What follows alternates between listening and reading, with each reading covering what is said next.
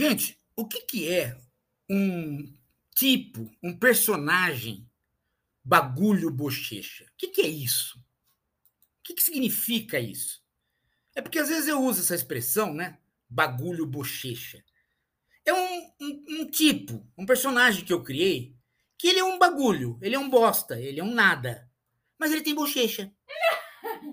Então eu usei esse personagem, venho usando, para caracterizar figuras como Pondé, com, uh, figuras como uh, youtubers mirins, que requebram. Por quê? Porque é gente bandida, é gente que usa do cinismo no modo moderno do cinismo, e não no modo antigo. Leia o Peter Sloterdijk, A Crítica da Razão Cínica, onde ele mostra os cínicos antigos que queriam revolucionar a sociedade e o cínico moderno, que ele faz aquela atitude blasé do tipo: não espero nada da política, não espero nada de ninguém, eu sou um cético. Ele não é um cético.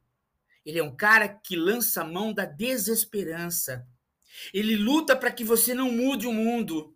Ele quer que as coisas fiquem todas paradinhas. E ele mente. Ele mente quando ele diz que ele escreveu alguma coisa, ele mente quando ele diz que leu alguma coisa. Ele não leu nada, ele não escreveu nada.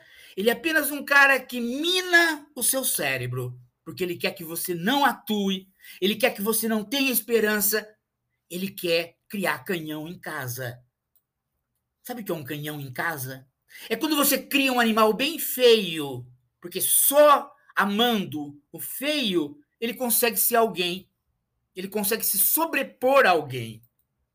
Então ele cria um canhãozinho em casa. Ele cria um bicho bem feio, um monstrengo em casa. Aí ele vai acariciando aquele monstro, mas ele descobre que nem acariciar ele sabe, porque ele é o próprio monstro. Ele é o monstro do imobilismo.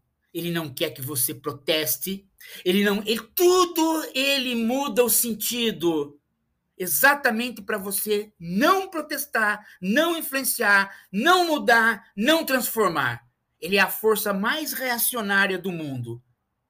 Porque se ele tivesse alguma coisa de transformador, ele faria uma operação nele mesmo, tirando as bochechas, deixando de ser um bagulho que ele é.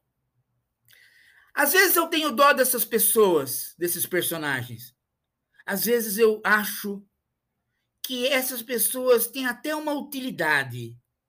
Por exemplo, se um dia o lixo do mundo desaparecer e a gente perder o conceito de lixo, quem a gente olharia para descobrir que existe o lixo? Bagulho, bochecha.